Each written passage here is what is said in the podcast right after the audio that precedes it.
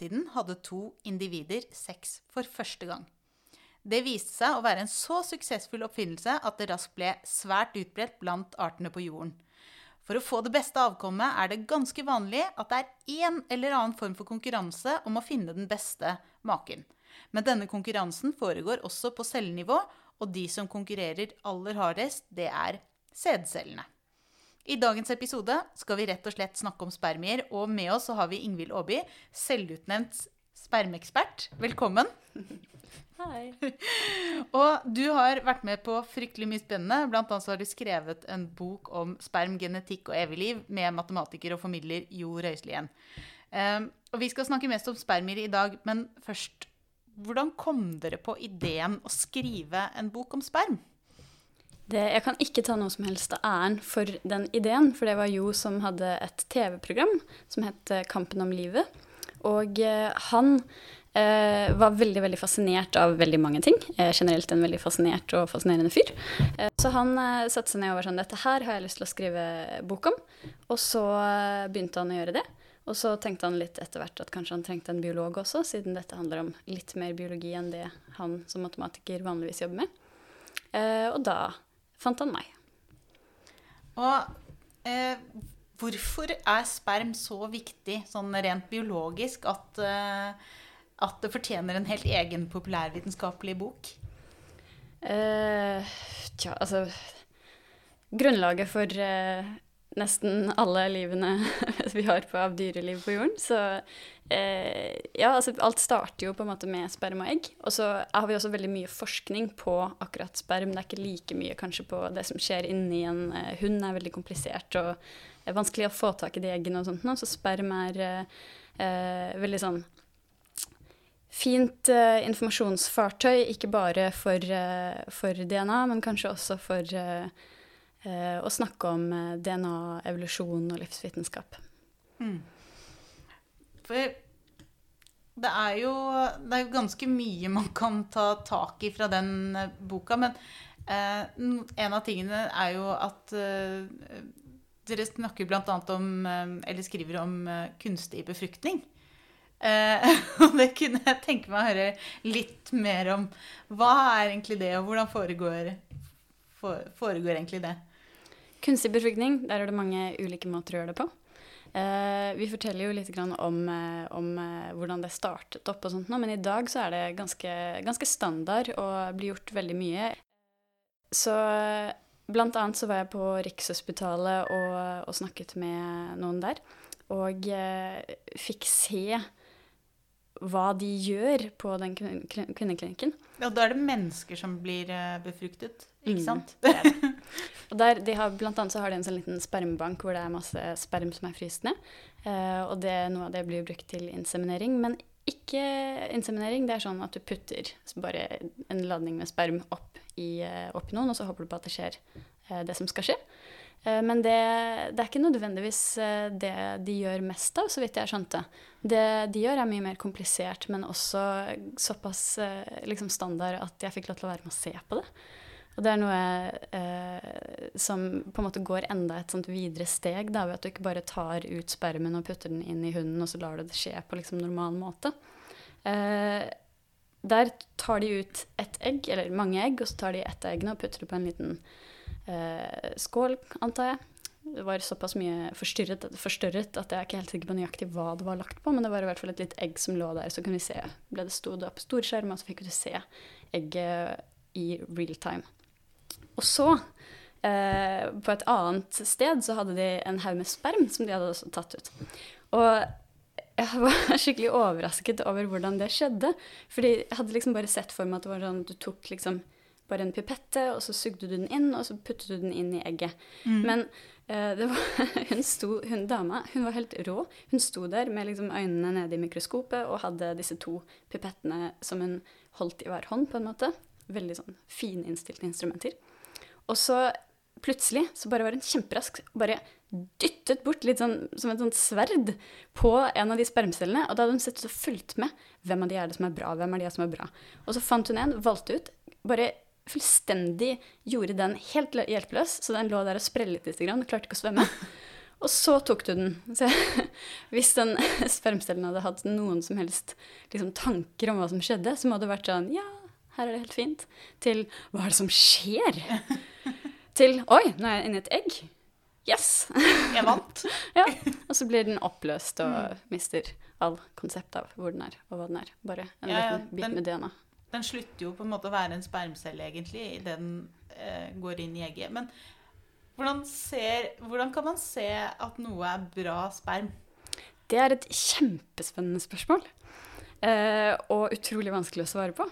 Det var, eh, blant annet var det, det var en som gjorde et eksperiment på 70-tallet eller noe sånt, nå, som, eh, som sendte inn eh, sp samme spermprøve til masse ulike steder og spurte liksom er dette veldig bra sperm, eller hvordan har jeg noen problemer? Og så fikk han mange ulike svar tilbake. Det var ingen av de som var helt enige om spermene hans var toppkvalitet eller ikke egentlig så bra. Eh, og da, siden det så har de prøvd liksom på flere, i flere forsøk så har de laget sånne guidelines for hvordan man skal se og finne ut av hva som er god sperm. Og det er jo veldig viktig når du skal sitte og, og velge ut sperm til kunstig befruktning. Og det oppdateres hele tiden. Og det er litt sånn, ja, vi har noen retningslinjer. Det er sånn, De bør være ca. så store hoder, så cirka så store haler, bør være ca. så mange sperm i ejakulatet, eh, og de bør svømme liksom såpass fort. Um, men så er det Det er ikke nødvendigvis sånn at man vet veldig mye mer Jo, det skal jeg ikke si. Man, altså, det høres ut som at det, det de har landa på, er liksom et slags sånt gjennomsnitt. da. Altså sånn, Vi luker ut de som på en måte er for store eller for små eller svømmer for sakte. eller ja. Ja, for nå er vi over på det som jeg er mest sånn evolusjonsbiolog, og det her er, nå har jeg liksom fått et sånt innblikk i det som, ikke, som er litt sånn medisin, som jeg ikke kan så mye om. Eh, jeg, så jeg er ikke helt sikker på om jeg tør å si noe om det, men det hun satt og gjorde, hun som tok og hentet ut disse spermene mens disse svømte forbi og hun bare fulgte med, jeg spurte henne hvor, hva, hvordan vet du hvem du skal velge ut, og hun var litt sånn nei, det hun har uh, mye erfaring. Si hun er jo kvinne, så hun kunne jo si at det, det var magefølelsen. Kanskje det. Så hun hadde jo åpenbart uh, prøvd Altså hun hadde jo åpenbart eh, fått til dette før. Det ble babyer av dette, antar jeg. Uh, så hun hadde gjort det veldig mange ganger og var jo åpenbart veldig flink. Det gikk jo på et, ikke et sekund engang før hun hadde klart å få tak i denne spermcellen og puttet den inn. Eh, men nøyaktig hva Hun kunne ikke forklare meg det. Og det skjønner jeg, fordi jeg har jo ikke noe konsept om, hvor, liksom, om, om hodet på en sperm er litt for stort eller litt for lite. Men de som liksom ikke klarte å svømme, og de som liksom viklet seg rundt eller hadde doble haler eller liksom så litt sånn misformet ut, de tok hun jo ikke. Men eh, det er også noen Det her har jeg ikke lest så mye om, men det er, sånn, det er noen eh, som sitter nå og vurderer om de kanskje kan gjøre dette her enda bedre. Og jeg tror de driver og tenker på å liksom, bruke alle mulige sånne fancy nye metoder og eh, kunstig intelligens og masse sånne ting. Eh, så det kan hende at de kommer med noe enda bedre etter hvert. Det ville vært eh, interessant å, å vite mer om. Men det var jo ikke Altså, du fikk da være til stede på en, um, en kunstig befruktning. Men dette var jo ikke den eneste kunstige befruktningen holdt jeg på å si, som, som er beskrevet i boka. Det er, ikke, det, er jo, det er jo ikke bare mennesker som har sperm. Vil du fortelle om hvordan, hvordan eh, det var å besøke en grisefarm? Og det, det var Jo som var og besøkte det. Eh, så da Det her har jeg bare fått høre fra, men eh, det, det, blir, det blir veldig mange sånne eh, Du samler litt sånn opp historier som du har, truff, du har truffet folk som har gjort noe forskning et eller annet sted. eller så leser du noen videoer på nett om elefanter. Eller så, så snakker du med Jo som har vært og sett på disse, disse grisepurkene på, på sånne fabrikker hvor de om, omtrent hvor de, hvor de får, eh, sender ut sperm industrielt omtrent. Eh, det blir Så Og da er det ganske store mengder som kommer ut. Ja, for jeg, jeg festa meg litt med det. Uh, jeg tenker jo om griser at de kanskje liksom ikke er At de ikke er så fryktelig mye større enn oss, da. Eh, de er jo litt tyngre, men, men likevel. Eh, og jeg tror det var snakk om en halvliter. Eh, og jeg tenker jo at eh, hvis liksom dette hadde vært mennesker, så er det bare helt Det er helt sinnssykt. Det tror jeg hadde vært ganske plagsomt, Ja, faktisk. ja det, det, det, er vært, det er grisete, kan man si det? Ja. Å, herregud. Ja, det hadde faktisk vært helt grusomt. Herregud, hva skulle du gjort? Men, men, eh, men eh, for grisene er jo dette normalt, da. Men eh, jeg lurer jo veldig på Du nevnte elefanter nå. Hva, hva, hva med dem? Det, varierer dette med størrelsen på dyret, eller hva? Altså, dette tok vi da ikke med i den boka, men vi prøvde å gjøre mye sånn research og finne ut av uh, Altså, jeg leste så mye om så mange ulike ting og prøvde å finne de liksom morsomme eksemplene og sånt. nå. Og, og da kom jeg over en video av noen som driver og forsker på elefanter i et sted eh, hvor det finnes elefanter. Og eh, da fant jeg en video av hvordan de tok en spermprøve fra en elefant. og og jeg, jeg prøvde å sende den til Jo. Den ville han ikke se. Men det var, eh, det var eh, Det var ikke egentlig så ille som du skulle tro. Det var bare veldig eh, mange mennesker som måtte hjelpe til. Ja. Og på alle mulige måter. På alle Ja, Med hendene og alt mulig. ja nettopp. Eh, men, eh, men hvorfor trenger man egentlig Hva trenger man spermprøver fra elefanter til? Altså, Må de kunstig insemineres, eller hva eh, Hva bruker man egentlig dette til? Det vet du hva, det, det har jeg glemt. Den, den videoen har bare brent seg inn i hodet mitt. Og så har jeg bare mistet all annen informasjon om hvorfor de gjorde det. Men det var en forklaring. Eh, men det, det er jo ganske mange ville dyr eh, og, og dyr i dyrehager som eh, blir eh, brukt eh, på ulike måter i sånn avlsprogram f.eks. og. Og, så det er veldig viktig å få tak i spermprøver fra veldig mange ulike ville dyr. Eh, Pga. det konserveringsarbeidet som blir gjort. Så, og da trenger du også veldig mye infrastruktur rundt det. Og for eksempel, altså både hente ut spermen, det kan du ikke gjøre på samme måte med andre.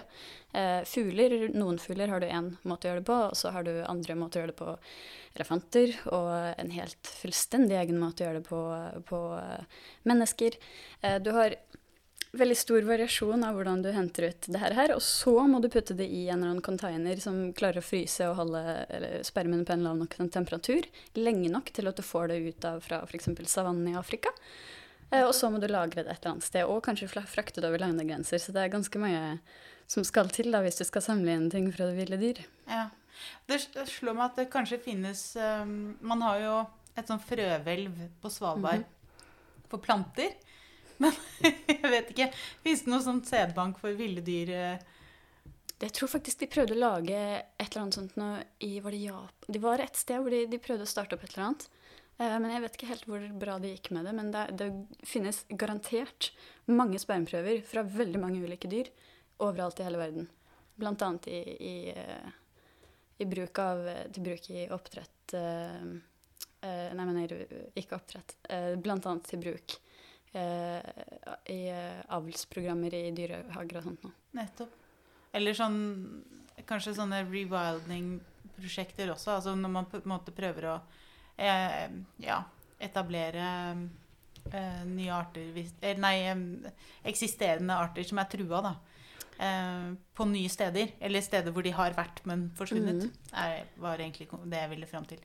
Det, jeg vet ikke helt eh, altså Stort sett vil du jo prøve å få dem til å uh, gjøre det selv, kanskje. Det her vet jeg egentlig ikke. Ja, det hadde Men, jo vært eh, det beste. Det er jo litt kjipt hvis vi må hjelpe dem. Ja, ja. Det er ikke så bærekraftig i lengden. Det, det, et av de neshornene som er ekstremt utrydningsut, eller kanskje den siste har dødd, og der tror jeg de Det her skal jeg ikke si helt sikkert, men jeg tror de prøvde å fryse ned noe sperm fra en. Den siste hannen, rett og slett. Altså, det er litt trist. Ja. Hvis, hvis det eh, Det er i hvert fall en mulighet, da. Hvis du, hvis du står igjen med, med én hund og har klart å ta og spare på, på spermen fra én hann.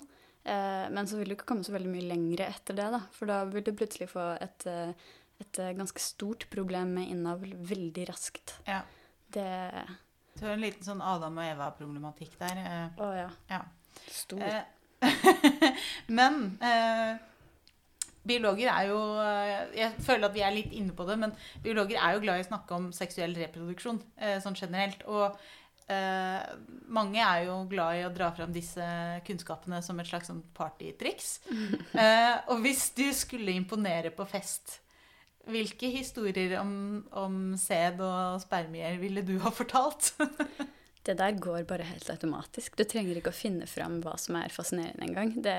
Men jeg, jeg, hadde en sånn eh, elevator pitch da, som startet eh, da jeg tok master. Eh, og det var det ikke jeg som fant på, men den har utviklet seg litt over tiden. Så det startet med at en venninne av meg hun hadde invitert på, på bursdagsfest.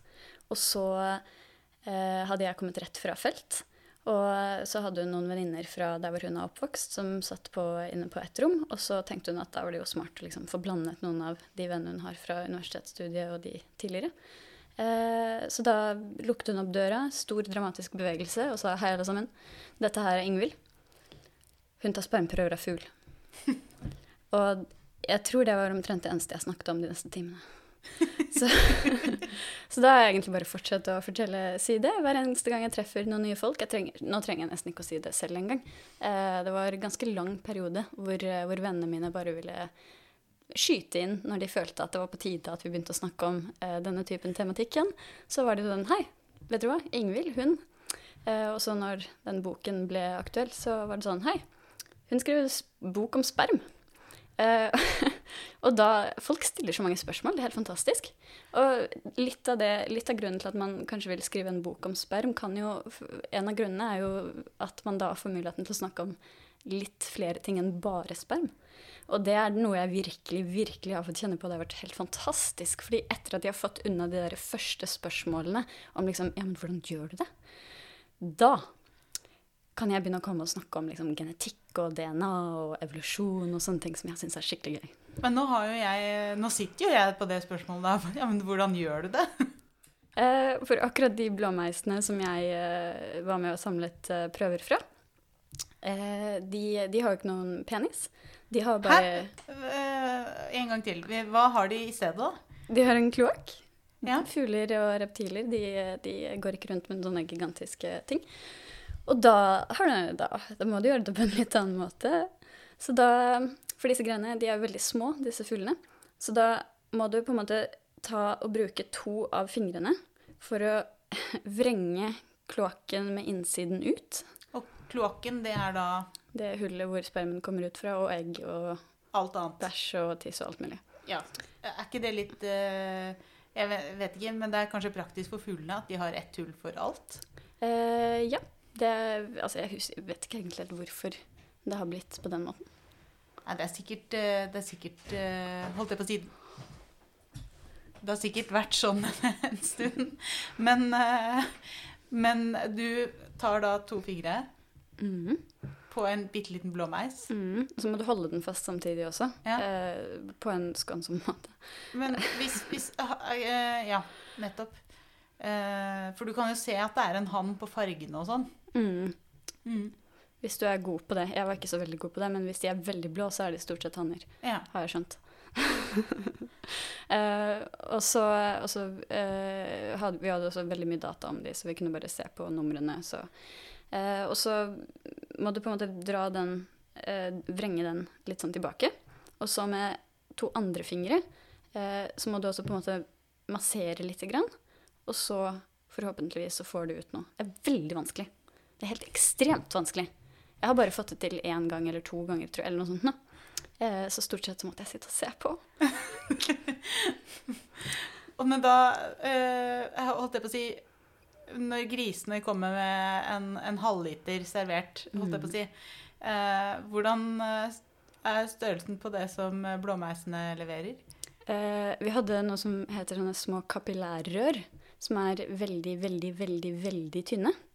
Eh, og da brukte jeg et av de rørene til å samle det opp, og da fikk vi Vi fylte ikke et bitte lite rør. Så det er, det er Veldig lite. Fryktelig små mengder. En lit, bitte liten dråpe. Ja, nettopp. Hvordan, eh, det er kanskje et frekt spørsmål, eh, i, men ikke i seksuell sammenheng. Men hvordan er det egentlig de eh, på en måte får overlevert dette til eh, hunnfuglene, egentlig? Drypper det inn der? Det, det, er nok? Jeg, vet du hva, jeg sliter litt med å se det for meg. Jeg har ikke prøvd å se det så veldig for meg, men uh, ja. Det, det høres veldig vanskelig ut. Ja. Du må treffe veldig presist, da. Det har de sikkert øvd på. Mhm. Mens vi har jo sånne avleveringsmekanismer som altså, Eller ikke vi, men mm. hvis det hadde vært en mann her. eh, De har, eh, har sånne ting som er veldig sånn presise for å dytte det inn og skrape ut gamle sperm og alt mulig sånt. nå. Så Mm. det, det er litt mer eh, eh, Altså det funker jo på en måte på samme måten. da. Du bare plasserer det der, Altså så det er ikke noe sånn at liksom skytes av gårde, eller du får ikke noe Så lenge det kommer liksom inn i inngangspartiet, så gjør liksom spermen resten av jobben, egentlig. Da kravler de, eller svømmer de så fort de kan i den retningen de kommer. Uh, så det, det er liksom at på en måte, Du trenger ikke nødvendigvis å gjøre det så veldig komplisert så lenge du bare får spermen på riktig sted. Mm. Så start stedet, og så gjør de resten av jobben. Det er jo det de er utviklet for. Det er det de er gode på. Ja, det, er, det finnes jo vandrehistorier om at mennesker på en måte har eh, hoppet av i svingen og truffet utenfor, og så har det på en måte skjedd ting allikevel. Eh, så den, den, man skal på en måte ikke undervurdere spermens, eh, spermens svømmeegenskaper. Det er veldig sant. Det er et Mhm. veldig godt poeng. Men, men det, er, det er da det på en måte dumme introspørsmålet på fest. Altså, hvordan gjorde du det? Men hva gjorde du på masteren når du hadde fått disse spermprøvene? Eller hva, hva, hva var det som dere undersøkte videre? Altså det, jeg fikk jo aldri brukt de spermprøvene. Det var det noen andre som tok over de etter hvert. Fordi eh, det ble litt mye Jeg hadde veldig mange blodprøver som jeg skulle analysere. Eh, men det vi eh, prøvde å finne ut av, det var Vi så på noe i, i DNA som heter telomerer. Eh, som er veldig kult, syns jeg, da. Så du, eh, på enden av DNA-et ditt så har du sånne områder med en eh, sekvens med DNA som blir gjentatt igjen og igjen og igjen. Og igjen. Og det heter telemerer. Og da eh, prøvde vi å se om lengden, altså hvor mange ganger de blir repetert, eh, har på en måte noe sammenheng med eh, Vi kaller det fitness-mål. Så hvis f.eks. Eh, hvor mange barn de får, eller eh, hvor mange egg de får, og andre mål på en måte vi kan uh, se på for å si om de er gode på å få barn, f.eks. Nettopp. Så, ja, så du, du ser på en måte på uh, om, om uh, muligheten eller overlevelsesevnen til barna eller muligheten til å få barn avhenger av disse genområdene. Uh, ja, for det, er vel, det, det som er så kult med de telomerene, er at det er veldig mange som lurer på om kanskje de telomerene har noe med eh, på en måte hvor lenge vi lever å gjøre. Eller hvor, kanskje, kanskje enda mer også. Eh, så hvis du har veldig lange telomerer, da, så kan man kanskje håpe på å leve litt lenger enn andre. Og det er mange studier som tyder på at liksom, det er et eller annet her. Eh, hvis du har veldig lange telomerer når du er eh, veldig, veldig gammel som, eh, som menneske, f.eks., eh, så er det kanskje litt større sjanse for at du lever lengre. Eh, men så er det veldig Én ting er liksom å koble det her med alder og si at eh, hvis du har lange telomerer, så kan det hende at du lever lengre. Eh, men hva på en måte er hvorfor?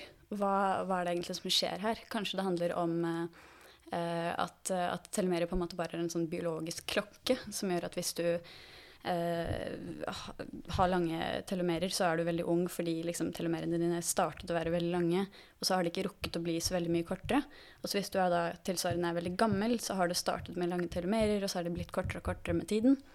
Eh, eller kan det hende at det faktisk har en eller annen på en måte mer aktiv rolle at eh, det at du har lange telomerer i seg selv, beskytter deg.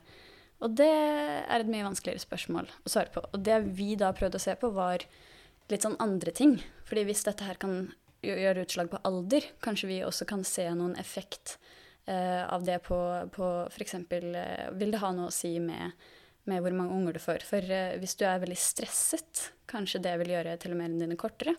Så hvis du får mange, veldig mange unger og har veldig mange unger å oppdra, kanskje det gjør at du blir veldig stresset. Eh, og det, de, det jeg så på, det, vi fikk ikke noe, egentlig noe resultater som sa eh, noe annet enn at vi fant ingen sammenheng. Det var lange eller korte telemerer. Det hadde ikke noe sammenheng med eh, noen av de tingene vi så på. Eh, Men det er jo også et resultat. ja. Jeg tenker at man veldig ofte i forskningen glemmer at de der hvor man på en måte ikke finner en sammenheng, at det er, det er vel så viktig å uh, å si det, da. Fordi det er jo dessverre en sånn eh, en trend at det er lettere å publisere studier hvor man har funnet noe. Eh, fordi det er lettere å lage en overskrift av det. og så får man da ikke publisert at ja, vi undersøkte dette, og vi fant ikke noe sammenheng. Eh, og det, dessverre så betyr jo det at det, da sitter det kanskje noen og gjør akkurat det samme et eller annet sted i verden. Ja, jeg tenker på at Hvis jeg hadde vært ekstremt modig som eh, masterstudent, eh, så kunne jeg jo prøvd å, å si et eller annet om at nei, siden jeg fant ikke noen som helst resultater, og det er ikke grusomt mange andre som har funnet resultater på akkurat det samme som jeg har, kanskje vi kanskje bare skal bli ferdig med dette og si at det har ikke noe å si. Men det, det er ikke en eh, selvtillit jeg ville hatt som etter en bitte liten mastergrad. og Nei. Kanskje etter en doktorgrad, men da må man liksom bruke enda mer tid på, Ja. På det samme. Ja. Og det Jeg eh, gjorde jo ikke det, da. Men hva, hva er det folk spør om når du på en måte kommer med denne pitchen, eh, og det, du ender med å snakke om disse tingene i timevis på vett? Hva er det folk pleier å være mest nysgjerrig på når det gjelder sperm? Eh, vet du hva, Det varierer veldig, men hvis jeg, hvis jeg ikke har noe å si, på en måte, hvis jeg bare liksom lar de stille spørsmål, så er det på ingen måte det samme som det jeg forteller om hvis jeg får muligheten. Oh, ja, så det er en forskjell der? Uh, for jeg kommer jo inn på liksom gener og, og rekombinasjon og bla, bla, bla. Evolusjon, er ikke det fantastisk? Og sånt noe. Syns det er kjempekult. Uh, men det folk lurer på, er om det finnes noen sånn forskning på hvordan sperm smaker, og om det har noe sammenheng med, med kosthold, som jeg ikke har klart å finne en svar på på noen som helst måte. uh, og, og med sånn praktiske problemstillinger, da. Uh, og det er ikke det, det er sånne spørsmål som jeg bare liksom ikke engang tenker på. Jeg tenker at Et veldig godt svar, hvis noen stiller det spørsmålet neste gang du er på fest, så kan du jo si at eh, du vil gjerne samle inn eh, data fra folk som melder seg som prøvekaniner. så får du se om det er noen som har lyst til å være med og forske på det. Vi kan nedsette en liten komité, og så kan vi finne et representativt utvalg av befolkningen. Eh, og så kan de sette seg ned og smake på NO3-en. Det hadde sikkert vært god forskning. Det Det hadde er vært veldig ja. garantert publisert. ja. Så her er det masse gode ideer. ja, vi får se. Eh, den om, om Vi får forte oss, da, sånn at eh, på en måte når denne Mhm. episoden mm. slippes, at uh, vi er godt i gang Mhm. med disse studiene før noen andre tar mm. denne ideen. Ja. Så, det, så nå, nå tar, vi, nå tar uh, Ja. Biopodden imot. Ikke sant? Men er det sånn at folk da er mest nysgjerrig på uh, mennesket? Eller, eller får du spørsmål om litt mer sånn generelt andre arter og Ja, det er det første spørsmålet om mennesket, er kanskje det første de kommer på. Eh, men igjen, da, siden jeg liksom Jeg liker jo på en måte dra det litt inn på det jeg syns er spennende, og sånt nå, og da begynner jeg å og også, Jeg starter jo ofte å snakke om de blåmeisene. Eh, så, så kan folk komme med ganske detaljerte og veldig kompliserte spørsmål om på en måte det de tekniske tingene, liksom hvordan gener fungerer, og, og hva er det som faktisk skjer. Fordi jeg sier f.eks. at liksom, eh, det vi tenker på som sex, det er ikke nødvendigvis det samme biologer mener når de bruker ordet sex. For sex handler ikke nødvendigvis om liksom, seksualakten. Det handler jo egentlig bare om å blande gener. Eh, og da kan du begynne å Egentlig, jeg trenger nesten ikke å Ofte så trenger jeg ikke å si så veldig mye mer enn å gi dem en liten sånn ting. Og så er det sånn Hæ, men hva mener du med det? Eh, OK. Og så kan jeg begynne å forklare. Jo, nei, jo. Eh, da tar du liksom er gener fra to ulike individer, og det er jo halvparten. Og så i tillegg så skjer det masse sånn rekombinatrykk og sånt, nå, at du bare eh, gjør ekstra modifiseringer. Eh, og, så, og så kan det liksom være veldig bra. Eh, da får du blandet eh, gode gener og folk vekk dårlige gener, og så får du en sånn helt ny, unik kombinasjon. Så det er ikke sånn at du nødvendigvis er liksom et gjennomsnitt av foreldrene dine. Du blir en veldig sånn spennende blanding da, av litt sånn tilfeldig hva som havnet i den blandingen. Fordi Noen ganger så føler jeg at du har barn som ligner fryktelig mye på foreldrene sine. Eller en av foreldrene. Og så har du jo av og til også barn som bare De er sin helt egen. De ligner liksom ikke ordentlig på noen. Eller kanskje en fjern slektning, men, men det er liksom sånn Det er tydelig at det, det er rekombinert, da. ja, det er kjempemange forskjellige måter du kan ende opp uh, med Altså, høyde, f.eks., er jo ikke nødvendigvis et gjennomsnitt. Det er avhengig av en hel haug med forskjellige ting som, som, påvirker alt, både miljø og gener. Eh, og til og med eneggede tvillinger som har de samme eh, genene i utgangspunktet. Etter hvert som de blir eldre, så begynner du å se sånn veldig subtile endringer, som f.eks. at de har fått eh, Noen av de har kanskje vært litt mer solbrent, så de får litt annerledes flekker, og det er liksom annerledes hvordan huden deres ser ut. Det, det skjer jo ting i løpet av livet også. Mm. Uh, men uh, det er jo egentlig det som var, uh, som jeg sa helt innledningsvis da, i introen, at det, det er jo derfor sex og ikke seksualakten. Det er ikke seksualakten som er den geniale oppfinnelsen i mm. biologien. Mm. Det må man jo bare få presisere. Det kunne jo vært det, mm. men det er ikke det. Det er jo genblandingen som er den mm. geniale oppfinnelsen.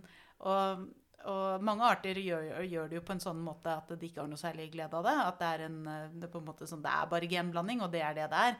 Men så har du jo sånn, sånn menneske da, hvor det på en måte er en del sånn Eh, konkurransen er ikke bare spermceller og eggceller. Det er mm. jo eh, like mye partnervalg eh, mm. og et Ja, man kan gjerne kalle det spill i forkant, mm. men det er ikke det vi skal snakke om i dag. Det er jo den derre selve spermcellebiten. Mm. For det, du startet jo sannsynligvis med Du startet jo ikke på en måte med alle disse greiene som skjedde rundt. De første som hadde sex, var sannsynligvis veldig, eller garantert veldig enkle organismer. Eh, og da kanskje de også hadde egentlig likt bidrag. Du hadde ikke den samme delingen, inndelingen inn i spermceller og eggceller. Mm. Og så kanskje den utviklingen har kommet litt mer sånn etter hvert. Eh, og endte opp med de ganske ekstreme til, Det er veldig ekstreme tilpasninger, faktisk. Eh, hvis du ser på muskelceller på ulike dyr, eh, så er det Altså, du kan jo se forskjeller hvis du vet hva du leter etter, eh, men de er ganske like. Eh, og så går det ved å se på spermcellene til de samme to dyrene, og så ser du to helt fullstendig forskjellige ting. Altså, du kan musesperm bare hekter seg sammen til sånne klynger og svømmer sammen, liksom, fordi de har to sånne kroker på toppen omtrent. Så ser de ut som Altså musespermen, da snakker vi liksom vanlig husmus. Eh, og så eh, Hvordan ser den spermen ut i forhold til menneskespermen? Eh, jo, den er liksom eh, altså ganske lik på en måte, men så er det den der ekstra lille kroken på toppen. Eh, de... Altså veldig lett å se forskjell på de to. Mens ja. andre vil det være veldig vanskelig for oss som ikke er liksom helt trent opp i de ulike artene, å se forskjell på. Mens for en sånn ordentlig god eh, biolog som bare virkelig har spesialisert seg på sperm til ulike insekter, så kan du skille ulike arter fra hverandre bare på spermen, selv om mm. de er ganske nært i slekt. Så det er Jeg tror sperm er mest varierte cellen som finnes på tvers av arter, fordi hvis du har altså Spermcellene ser ikke like ut i det hele tatt. Mens muskelcellene de kan se like ut. Og hår, hudceller, liksom Mange av disse typene celler kan se like ut, men sperm der kan du finne utrolig mye forskjellig. Hva, hva, er det som er grunnen til at akkurat spermcellene er, er så forskjellige? Er det den konkurransen? Eller hva, hva er liksom årsaken til det? Ja, det jeg, jeg litt sånn forsiktig nesten med å kalle det en sånn konkurranse. fordi folk tenker, Jeg vet ikke helt hva folk tenker på når jeg sier, hvis man sier konkurranse. Men det, det er jo åpenbart en konkurranse, men mellom hvem og mot hva. Eh, de kommer jo fra samme på en måte far, eller potensiell far. Eh, og så konkurrerer de mot hverandre. Andre ganger så konkurrerer de mot andre potensielle fedre. Eh, så, men så er det ikke egentlig en konkurranse mot kvinnen eller noe sånt. da, Det er det ikke, fordi kvinnen er veldig, eller hunden da, er veldig interessert i at i hvert fall én av disse spermcellene skal klare å komme fram. Selv, og kanskje fortrinnsvis den beste, eller ja. Mm, men hva er den beste? ikke ja. sant? Det, da har de sine egne måter å finne ut av dette her på.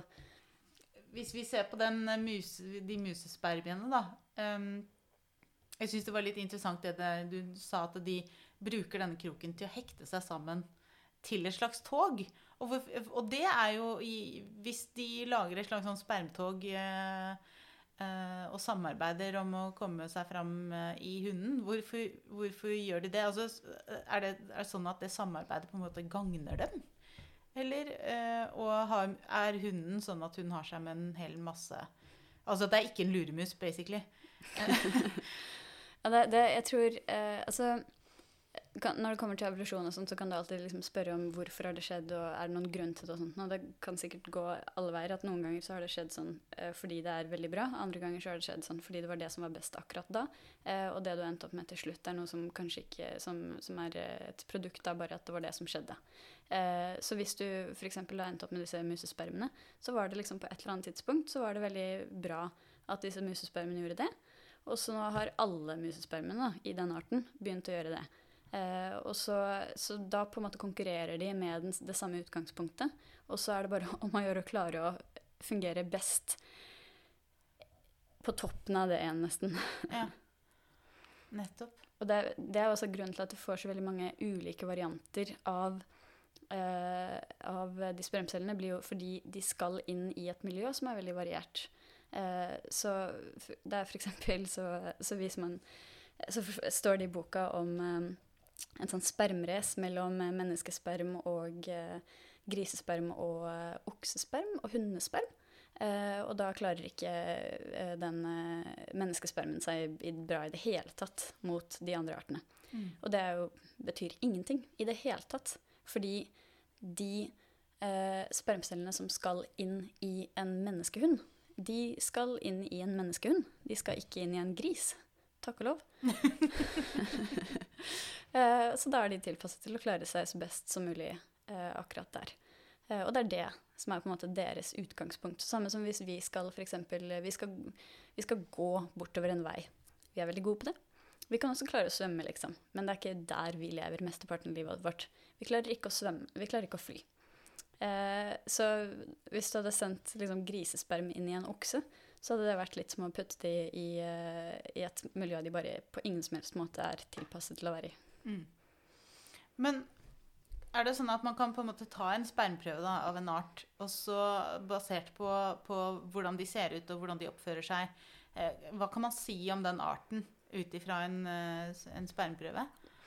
Det eh, hvor mye sperm, altså hvor mange spermceller og hvor stort ejakulat er liksom samlingen med, med volum av, eh, av, eh, utløsning du får, det kan bli brukt så, eller det brukes som en sånn indikasjon på uh, hvor mye liksom, konkurranse det er mellom hannene.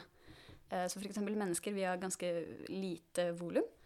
Uh, og det er et tegn, kan være et tegn, på at man har ganske liten konkurranse hanner imellom, liksom. Eh, samtidig så har vi også ganske Eller ikke vi, men eh, igjen, hvis det hadde vært en mann her.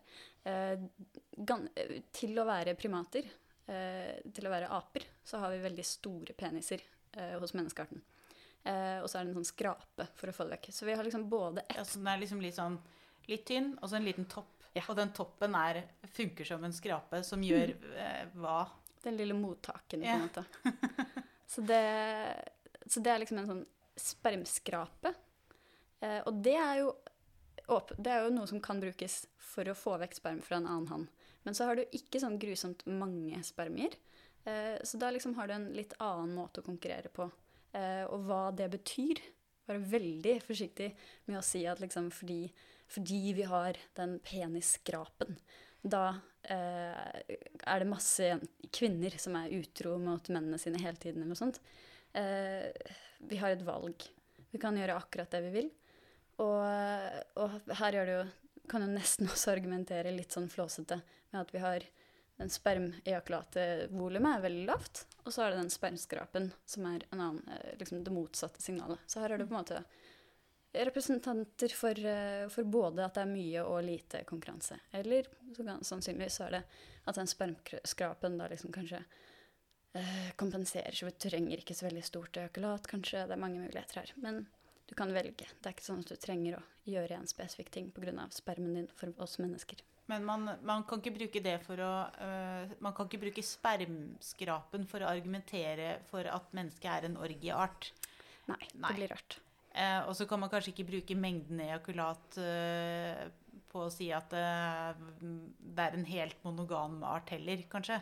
Altså sånn man lander et sted midt imellom, og det er vel der, der de fleste egentlig er også, vil jeg tro. Eller sånn. Ja, det har vel vært nok eksempler på utroskap opp gjennom historien. Så vi er nok ikke, vi er ikke, vi er ikke monogame fugler, f.eks. Nettopp. Men der er det jo også det, Nå mulig jeg er litt sånn på vidden, men er det, ikke, er det ikke noen som har forska på monogame fugler og funnet at ja, de ikke er så innmari monogame, de heller? Ja. Så, Det er masse luring der også. Herregud, de, de flyr Altså, det kan skje, slå ut alle mulige veier. ja. Så det Men eh, hvis vi tar de andre primatene, da. eh, la- oss uh, f.eks. si de eh, bonoboene, som jo er kjent for å kanskje ha et litt eh, friere seksualliv. Uh, ikke så mye sånn normer og regler, og litt mer sånn uh, sharing is caring og ja. Det, det, jeg har ikke lest om akkurat de. Jeg er veldig usikker faktisk på om de har nøyaktig Men jeg antar at det er ganske likt som sjimpansene, på en måte, utenom akkurat det du beskrev der. Men så sjimpansene, de har pigger. Eh, og så, det sånn, så har du et bein som også holder det oppi. Pigger hvor enn da? eh, på penis. Oi.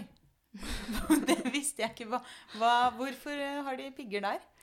Du vet hva, Det burde jeg sikkert kunne svare på, men jeg antar at det er litt for å vet, Nei, vet du hva, det får jeg faktisk ikke Nå ser jeg for meg sånn derre eh, Slåssredskap eh, eh, eller noe sånt. Eh, Å, det finnes det noen dyr som gjør det også. De slå, de, jeg tror de bruker penisen sin som sverd, hvis jeg ikke husker helt feil. ja. Men, men eh, tilbake til sjimpansen. Altså fordi eh, hvis de har pigger, er det sånn at de da eh, bruker disse for at hunden ikke skal få så veldig lyst på en ny runde? Ja, vi, hvis det er det samme som katter og det, jeg prøvde, fordi det er en sånn ting som du lærer en eller annen gang på biologistudiet, så blir det masse snakk om og sånt, at katter har mottaket på penis, og det gjør det skikkelig vondt, og du rasper opp på innsiden, og det er derfor de er så sure på hverandre etterpå, så vil hun ikke ha sex med noen flere etterpå. Eh, jeg prøvde å finne Ja, For der, der er det sånn det funker. Ja, jeg prøvde å finne liksom, kilden på det og sånt og måtte grave altså, virkelig sånn grave meg langt tilbake, eh, og fant til slutt det er liksom, det jeg kunne finne, i hvert fall, da, av kilder på det. Uh, og der, eh, det er ikke noen studie som sier det sånn veldig tydelig eller noe, men det, var, det er en sånn, ja, det er en rimelig observasjon. Det var i hvert fall det. Jeg vet ikke om det finnes noe nytt studie, noe andre studier på det, men det var det jeg fant. Jeg var veldig nysgjerrig på liksom, de, hvordan var det de fant ut av dette. Jeg var litt sånn skuffet over at det var en sånn ganske standard måte å beskrive det på. Liksom, det var sånn, ja, det gir mening. Så det betyr at eh, egentlig så burde noen kanskje undersøke det igjen og forsikre verden om at dette ikke er en eh, veldig, veldig mye gjenfortalt vandrehistorie. Jeg tviler jeg, tv- Det er jo Ja, jeg vet ikke, jeg skal ikke det er kanskje ikke, jeg vet ikke, det høres jo det høres liksom logisk ut, så Mm. jeg, er ikke- jeg tviler ikke på det heller. Men hvordan, hvordan gjorde menneskespermen det sammenlignet med la oss si grisespermen, da, som har disse enorme volumene? Hva kan man si om grisen? Uh, det blir jo, det? Da blir det jo nesten kanskje enda mer komplisert, fordi vi har jo også puttet inn vår påvirkning der. Så Mm. vi har drevet med avl og oppdrett. Eh, men de er jo mye flinkere på å konkurrere. De svømmer kjemperaskt i forhold til mennesker. Eh, samtidig så akkurat det volumet Det kan jo også hende at vi har valgt oss ut. Eh, akkurat de grisene som gir mest, kanskje det var best for de som skal selge det videre. Eh, så det er litt sånn Så det er kanskje ikke en, egentlig en naturlig prosess eh, eh, som har gjort at, det, at de har endt opp der.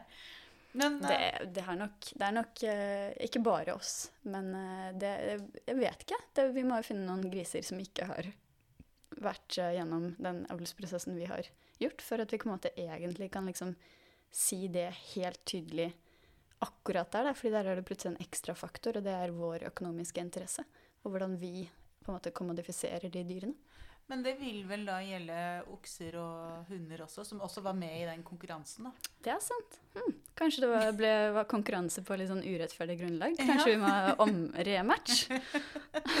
Rett Det og slett å finne noen eh, villhunder og noen Ah. sånne holdt jeg på å si, jakkokser eller et eller Ja. annet. Og, Ja, det har jeg Eh, ikke tenkt på. Ja, Men hva, hva det betyr Nei, det er altså det er, jo, det er jo måte Det, liksom, det betyr egentlig heller ikke så mye, da. Fordi det, det funksjonen til sperm er, er å befrukte, eh, befrukte et egg. Og så lenge det funker, eh, så på en måte er det kanskje ikke stille. Det er f.eks. det med den eh, Tilbake til den uh, kunstige uh, insemineringen og uh, den metoden som jeg beskrev, hvor at du putter bare spermcellen rett inn i egget. Vi trenger jo ikke kunne svømme omtrent lenger, våre spermceller. Det er jo bare å putte den rett inn. Og det kan vi jo faktisk også gjøre. Hvis du sliter veldig med å eh, få barn som mann, så finnes det veldig mange metoder man kan bruke eh, for å få tak i de spermcellene, selv om de er i ganske dårlig forfatning. Mm. Det er ganske kult. Ja. Og så og, og tenker jeg eh, så, så er jo spørsmålet sånn burde, burde vi gjøre det? Men det er jo, blir en helt annen debatt. Ja, nei, når det kommer til å gi folk barn, og hvis de ønsker seg eh, egne barn Ja, altså, jeg tror Jeg har i hvert fall ikke hørt noe eller lest noe Det, kan jo, det her er sånn jeg ikke kan nå, men jeg har ikke hørt om at det liksom er noe dårligere nødvendigvis. Nei, fordi eh, nå gjorde jeg nå, Jeg innser det nå. Jeg gjorde en uh, liten sånn logisk eh, feilslutning her nå. Og det er jo å tenke at en uh, sperm som er dårlig svømmer, også kanskje er genetisk dårlig. Men det Mm. trenger den jo ikke være. Det vet jeg ikke om vi vet, faktisk. Fordi det, det, er jo, det er jo stort sett ikke de du henter ut, og det er en grunn til det.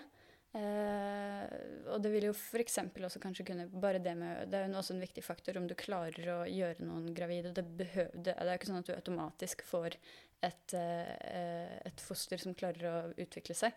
Eh, eller et embryo som klarer å utvikle seg bare fordi du putter inn en hvilken som helst spermcelle. Så vil du jo sannsynligvis ha kanskje en risiko da, for at du ikke klarer å faktisk få barn ut av det hvis ikke spermcellen, eller i hvert fall innholdet i spermcellen er bra nok. Mm. Det, det får eh, forskningen eh, på en måte avgjøre. Og medisinerne, de, Ja. de som eh, skal gjøre dette her på den presise og gode måten. Men eh, noen av de tingene som Noen av de på en måte superegenskapene som disse spermcellene eh, bruker da, eh, for å konkurrere eller samarbeide For det var jo det som var tilfellet med musespermen. Altså, det har gjort at de ser sånn vanvittig eh, forskjellige ut. Men hva, hvilke egenskaper hos sperm tenker du at eh, imponerer deg mest? Eller overrasker? Nå, nå Å ja, å jeg vet, jeg vet. Eh, det er uh, ikke uvanlig at du har spermceller helt uten DNA. Og, eh, og hva er funksjonen til de spermcellene? Altså Det er ett eksempel, og dette er et sånt eksempel som jeg bare liksom fortsatt ikke helt Jeg har sett bildet. Jeg klarer liksom fortsatt ikke helt å skjønne at dette er mulig, fordi jeg syns det er så fantastisk. Eh, du har noen type spermceller uten DNA som vikler seg sammen i en liten sånn tube. Og så er det andre spermceller som svømmer inni denne. Og så svømmer hele den strukturen av gårde. Og så liksom parkerer den et sted i nærheten av egget. Og så svømmer de spermcellene med DNA ut, og så svømmer de til egget der. Det, det er sånn, det her, altså jeg, har vir, jeg har virkelig prøvd å finne ut av nøyaktig hva som skjedde der. Det var veldig vanskelig å finne liksom, ordentlig god forklaring. Og det er, det, det er sånn jeg har forstått det. Og jeg bare jeg, må, jeg, jeg er sånn Herregud, virkelig? Det er jo helt sinnssykt. En sånn liten rosa mark eh, som du kan finne i litt sånn eh, forurensede elver. Spennende. Eh, Og jeg har sett liksom bilde av hvor du ser de der, den strukturen at det er viklet sammen og sånt nå. Jeg bare Herregud! Men betyr det at de er så store at vi kan se det med det blotte øyet? Å nei, nei, dette er Nei. tatt med sånn eh, mikroskop som, som uh, ikke er lysmikroskop. Ok.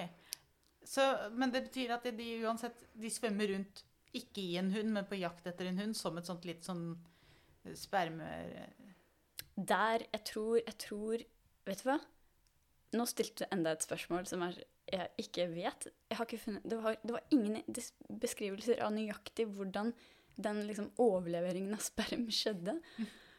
Uh, men jeg antar siden de var mark, så, så var det en eller annen form for liksom Altså det er ikke, det er ikke, det er ikke fisk. Det er ikke den at du bare spyler ut egg og, og, uh, og sperm. Så det er nok Det, var, det må jo ha vært inni hunden. Mm. Men eh, det er jo et eksempel på, på ekstremt eh, samarbeid, da. Men jeg har jo også hørt at eh, noen eh, spermceller f.eks. kan lukte seg fram til egget, eller eh, Mm. Ja. Og det, og det er nok ikke så uvanlig på noen som helst måte. Du har eh, eh, egget kan sende ut eh, sånne kjemiske signaler. Eh, og så, hvis du da liksom har veldig mange av de kjemiske signalene ett sted, og ikke så mange av de et annet sted, så kan spermcellene da merke at her er det veldig mange, her er det ikke så mange. Gå mot det som er mange, for det er nærmest egget. Mm. Eh, så har jeg også lest at uh, bananfluesperm den, er, den er imponerende uh, sånn størrelsesmessig. For der er spermen hele 6 cm lang. Og så er bananfluen omtrent 3 millimeter. Mm. Eh, det er ganske stort eh, da, det, Med en gang du sa det her, så var jeg sånn Hadde du de tallene riktig? Men, men ja, det er vel det. det er helt, altså, de er krøllet sammen i sånne små nøster, da. Ja. Og så er Men den hunden, den er jo også like liten. Så ja. da får den inn dette nøstet med sperm, og så går den inn i sånne kanaler. Og disse kanalene, de er veldig veldig lange. Det er et sånt nettverk som bare kveiler seg selv rundt omkring på hverandre. Så de kan fint få plass til eh, Altså rett etter at de spermiene har kommet inn, så kommer det veldig mange inn. Eh, og så, det, så, blir noen av de kastet ut, og så kommer det enda flere inn hvis de parer seg igjen. Og så kan de spare jeg tror det var 50 stykker. 50 av disse gigantiske spermiene. De er veldig tynne, da. Ja. Så da får de, er, de er lange, men de er tynne, og så, og så, krøller de seg sammen i sånne veldig veldig lange, veldig tynne kanaler. Eh, og da får du plass til veldig lange ting, selv om de er eh, eh, mye lengre enn kroppen din. men hva, hva, hva, hva, er på en måte fordelen eh, som har gjort at de, de får den fasongen at de blir så innmari lange? Ja, ikke sant? Det var det jo eh, en, en, forskningsgruppe som prøvde å finne ut av. Og det, det er et av de mest fascinerende igjen, eh, eksemplene som jeg klarte å finne om Og jeg syns jo det er kjempekult. Når du liksom eh, tar et mysterium, og så må du prøve å finne ut av det, og så må du finne ut svaret på en helt ny måte. Og, og det som er lett å studere når det kommer til spermaegg, det er jo sperm. Det som er vanskelig, det er hva som skjer med spermen når den kommer inn i eh, kroppen til en hund. Og det fant de en løsning på som var helt genial. De tok og puttet inn sånne proteiner som lyser opp, eh, sånn som det er i sånne maneter og sånn. Eh, når det er veldig mørkt nede i havdypet, så kan fortsatt de manetene lage sitt eget lys og blinke og sånt nå, og se veldig vakre ut. Jeg kan, kan, skyte inn at vi har en egen eh, episode om bioluminescens, hvis ja. man har lyst til å liksom, mm, uh, høre mer om, om hva det er som skjer. Ja, og det er det samme. Du tar eh, de proteinene, putter de inn i eh, spermiene. Og så kan du til og med gi ulike former, farger til sperm fra ulike hanner. Eh, og så eh, svømmer de inn når de padrer seg på normal måte. Eh, og så må disse hundene de må jo bøte med livet, så de blir eh, fryst ned og kuttet opp i veldig tynne biter. Og så lyser man opp, og så sjekker man hva som skjer med disse spermene. Og da har man sett liksom, ja, de svømmer inn, bretter seg ut, legger seg i disse kanalene og finner noen sånne små hulrom hvor de nøster seg selv inn i. Og så kommer det kanskje en ladning til med sperm fra en annen hann. Og da tar disse nye og prøver å presse seg inn i de hulrommene hvor det allerede ligger masse sperm. Og da er det disse store hallene sannsynligvis har denne fordelen.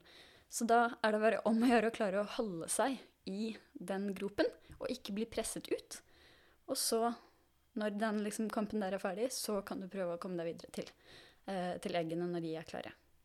Det høres ut som en veldig sånn innviklet kamp på innsiden av disse bananfluene. Hvor, mm -hmm. hvor uh, Og et nokså sånn holdt jeg på å si, en ganske komplisert uh, labyrint da, inni hunden av hulrom, hvor det er sånn Finne det beste hulrommet, bli der, se om parer seg med noen andre, svømme litt lenger opp.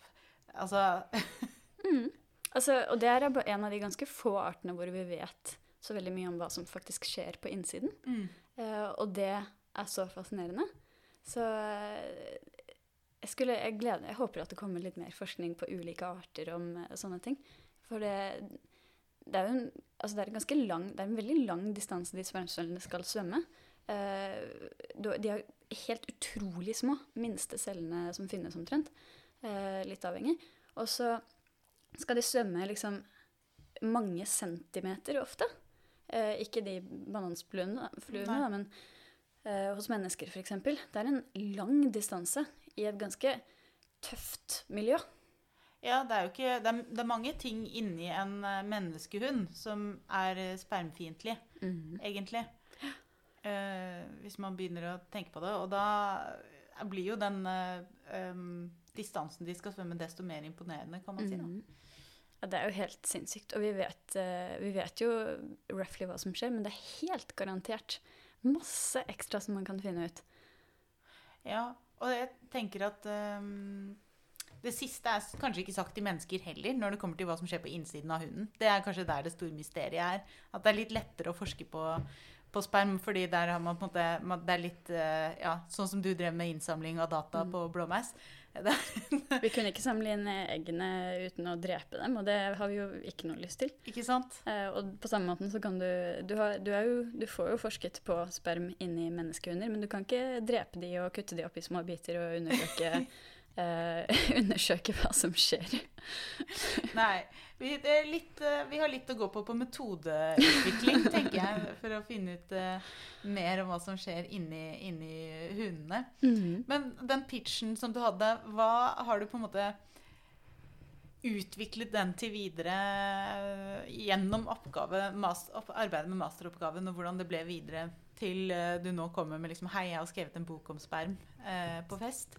Eh, Nå har jeg sluttet å snakke om at jeg har skrevet bok, derfor er jeg blitt så lei av å snakke om sperm.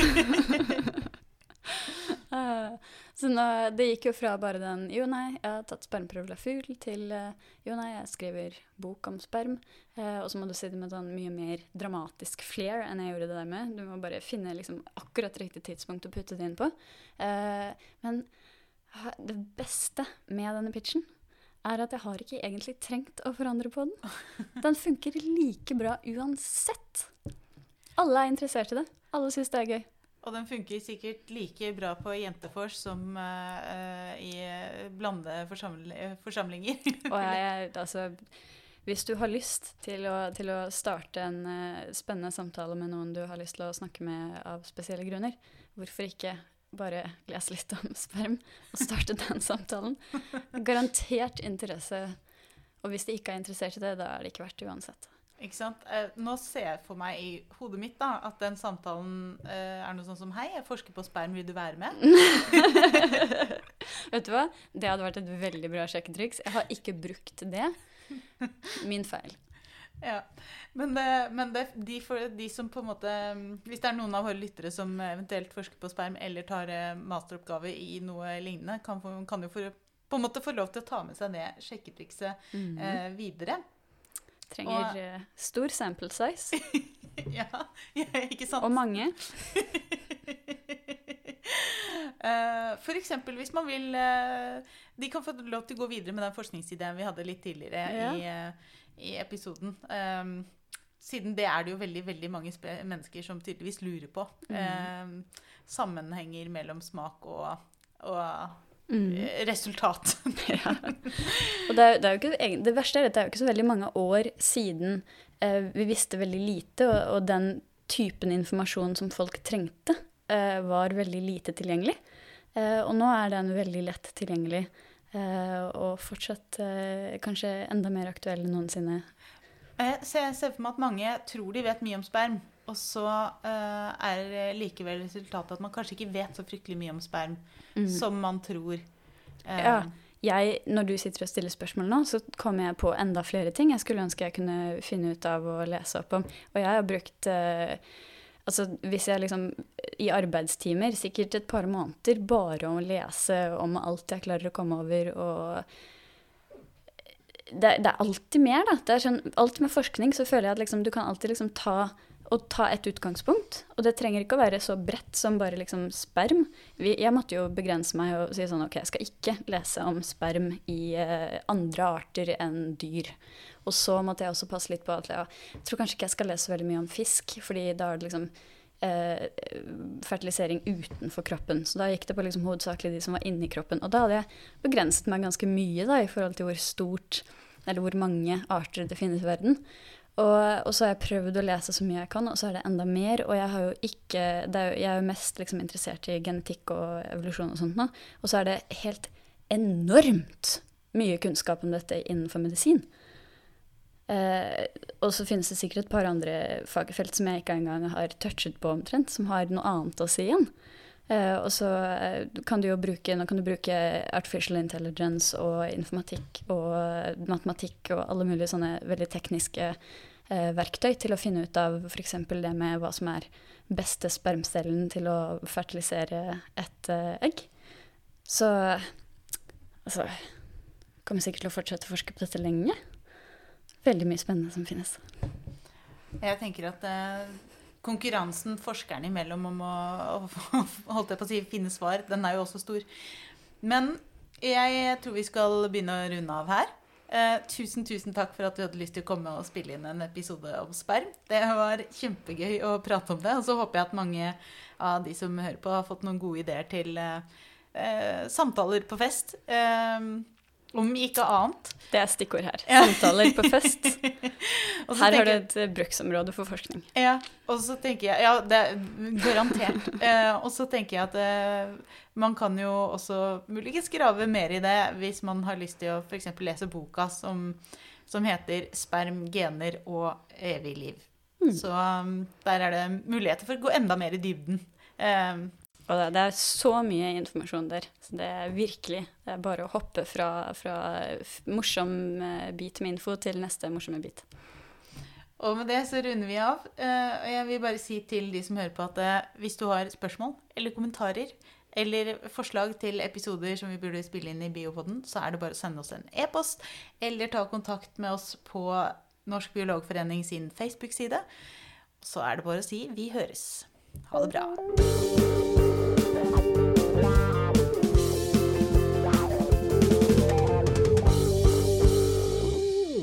Har nå hørt Biopodden intervju med Elina Melteig, og med på laget har jeg også Torborg Galtland, daglig leder i Norsk biologforening. Musikken du hørte, er laget av biologibandet Overgump og består av Even Sletting Garvang, Markus Fjelle, Erik Møller, Mathias Kirkeby og Audun Rugstad. Fortell gjerne om podkasten til venner og kjente, og gi oss tips og tilbakemeldinger på e-posten biopodden at bio.no. Og hvis du vil støtte oss, er du hjertelig velkommen som medlem av Norsk biologforening. Vi høres!